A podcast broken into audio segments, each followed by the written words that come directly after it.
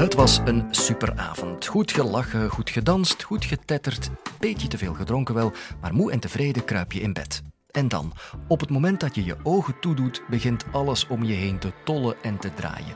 En je wil eigenlijk gewoon meteen gaan slapen. Floris Wuits, evenwichtsexpert aan de Universiteit van Antwerpen, kan je gelukkig helpen. Hoe stop je het duizelen in bed als je te veel gedronken hebt? Dit is de Universiteit van Vlaanderen.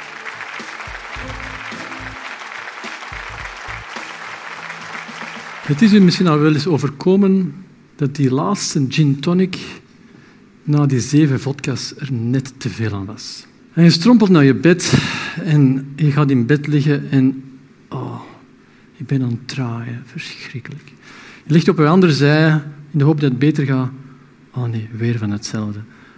Draaien, draaien, draaien, tollen. Hoe komt dat eigenlijk?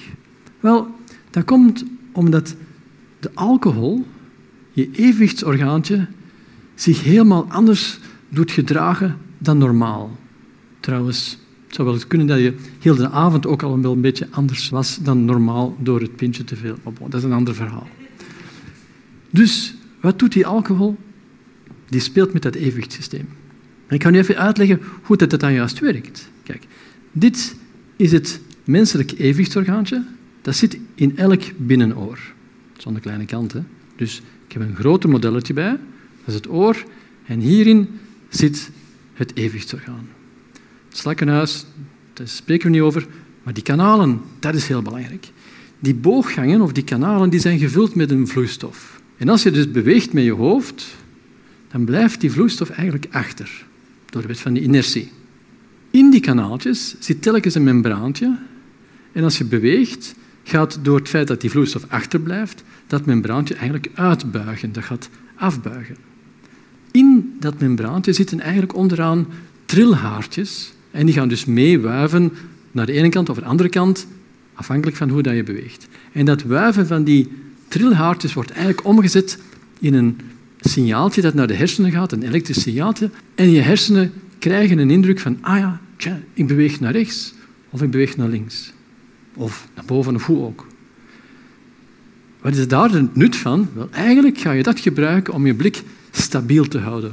Om je blik te kunnen fixeren op wat je wilt eigenlijk. Je kunt stabiel houden. Als ik naar u kijk en ik draai mijn hoofd links-rechts, kan ik perfect blijven kijken. Of ja knikken, dan is er niks te zien. Het beeld gaat niet op en neer. Nee, integendeel, je kunt perfect fixeren. Omdat hoe je je hoofd ook beweegt, die ogen gaan net het tegenovergestelde doen. Compenserende oogbewegingen. En ik kan het eigenlijk demonstreren met deze videobril. Is een videobril die mijn ogen gaat in kaart brengen. Dus als ik nu bijvoorbeeld naar u kijk, ik doe die beweging, ik kan jou perfect zien, maar natuurlijk, die ogen zitten heen en weer te bewegen. Zelfs op en neer, zelfs die beweging. Het rad van fortuin hebben ze ooit eens gezegd. Maar bon, dus ze draaien eigenlijk zelfs. Wat dan nog raarder is, dat is in feite, als ik nu hoofd helemaal zo draai, of zo, dan zie je eigenlijk een heel speciale oogbeweging, die perfect normaal is. Dat hoort zo te zijn. Dit heet men nystagmus. Want als ik dat niet zou hebben, dan zou ik natuurlijk niet kunnen kijken naar de omgeving. Je kunt natuurlijk zeggen, ja, maar je bent eigenlijk flauw aan het doen. Je bent aan het kijken naar de omgeving. Dus als ik nu gewoon even mijn ogen ga bedekken en niet zien, en doen die beweging, dan hoop ik dat ik nog altijd een nystagmus had. Klopt dat? Had ik nog altijd een ogen? Dus dat valt nog altijd mee. Je moet nog altijd naar de, naar de arts gaan. Dus je hebt eigenlijk je evenwichtssysteem nodig om te detecteren hoe je beweegt. En die informatie gaat naar je hersenen die dan je ogen gaan bijsturen. Oké, we kunnen dat ook zelfs heel mooi demonstreren met het volgende uh, proefje dat ik jullie wil toe uitnodigen.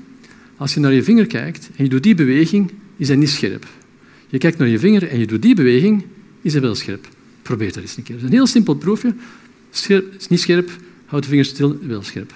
Mocht dat niet het geval zijn in de twee gevallen, dan is het tijd om een arts te raadplegen, want ofwel heb je er juist te veel gin tonics op. Goed. Een ander heel leuk proefje is het volgende.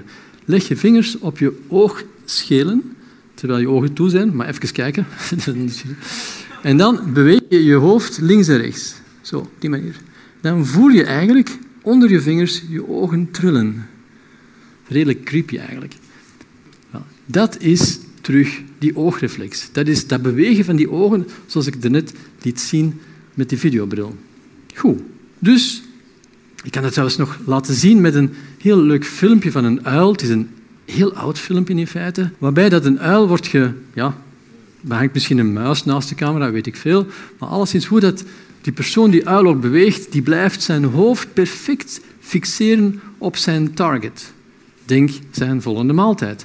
Want daarvoor dient dat. Heel dat evenwichtsysteem is gemaakt om te kunnen jagen, om perfect uw, uw volgende prooi in de gaten te kunnen houden. Zelfs geblinddoekt werkt dit systeem. En dat was hetzelfde als ik met mezelf uh, blinddoekte. Dan werkt dat systeem nog altijd geniaal. Perfect. Dus het is een heel, door de evolutie, fenomenaal geoptimaliseerd systeem. Tof. En dan die gin tonics.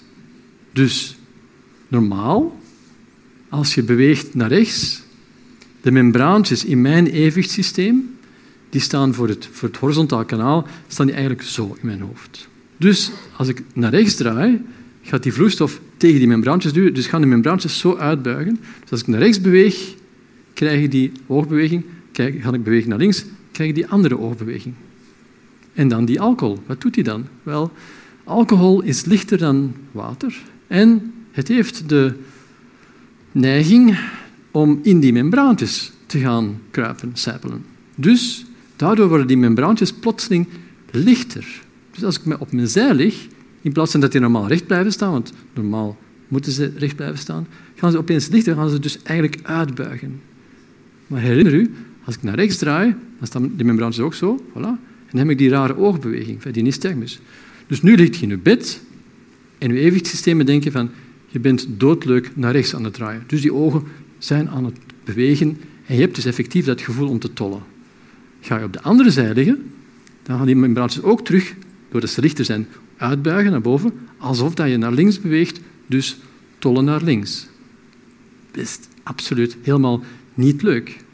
Mocht je nog niet voldoende dronken zijn om dit college u te herinneren, kun je misschien zoeken naar een nulpuntpositie op je rug, waarbij dat die twee membraantjes elkaar wat opheffen. Want dit membraantje gaat zo staan, alsof dat je naar rechts beweegt. Dit gaat zo staan, alsof je naar links beweegt.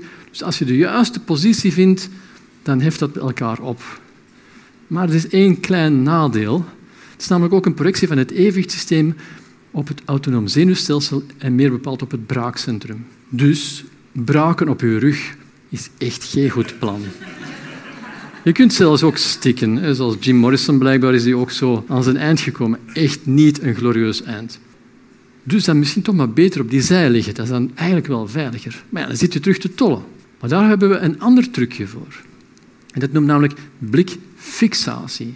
Niet stabilisatie, maar blikfixatie. En dat kan ik u demonstreren door terug die bril op te zetten. Je ziet mijn oog. Ik draai naar rechts, naar links, die nystagmus. En nu beslis ik opeens van naar mijn duim te kijken. Niks nystagmus. Ik kijk niet naar mijn duim, nystagmus. Naar mijn duim kijken, geen nystagmus. Dit is toch ongelooflijk fantastisch. Want dat evenwichtsysteem zit de hele tijd te voelen. Ja, ik ben bewegen aan het draaien ook. Dus, nee, niks, niks van. Fixatie.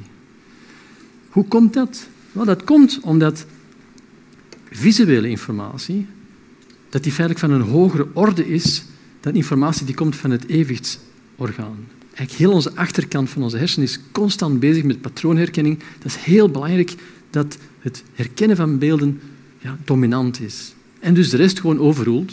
Dus met andere woorden, als je ligt in je bed en bent aan tollen, steek dan een lampje aan naast je bed en zit naar dat lampje te staren, want daardoor gaat het tollen een pak afnemen en dan ben je opeens moe en val je in slaap en dan slap je de rest uit van je kater.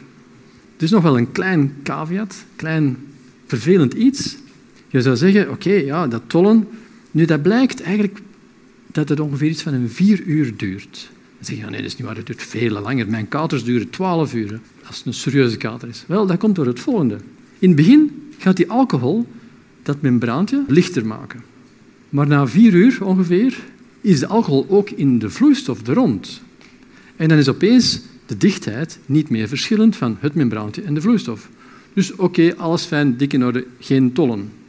Een uurtje later is eigenlijk de alcohol dan verdwenen uit dat membraantje, maar dat zit nog altijd wel in die vloeistof daar rond. Dus het is helemaal het omgekeerde verhaal. Nu is dat membraantje opeens zwaarder dan het alcoholgevulde endolymfe, die vloeistof. Dus, en dat duurt een goede dikke tien uren. Zelfs nadat je het bloed geen alcohol meer bevat, zit dat nog altijd wel in dat evenwichtsorgaantje. Dus vandaar, een kater kan best lang duren. Dus gewoon uitzieken, bij wijze van spreken. En eventueel, als het dan terug als middag is, gewoon rechtop zitten, want dan heb je veel minder last van die membraantjes die zouden lichter of zwaarder zijn. Wil je meteen al je vrienden laten weten wat ze kunnen doen aan dat dronken geduizel in bed? Deel dit college dan op Facebook, Instagram of Twitter.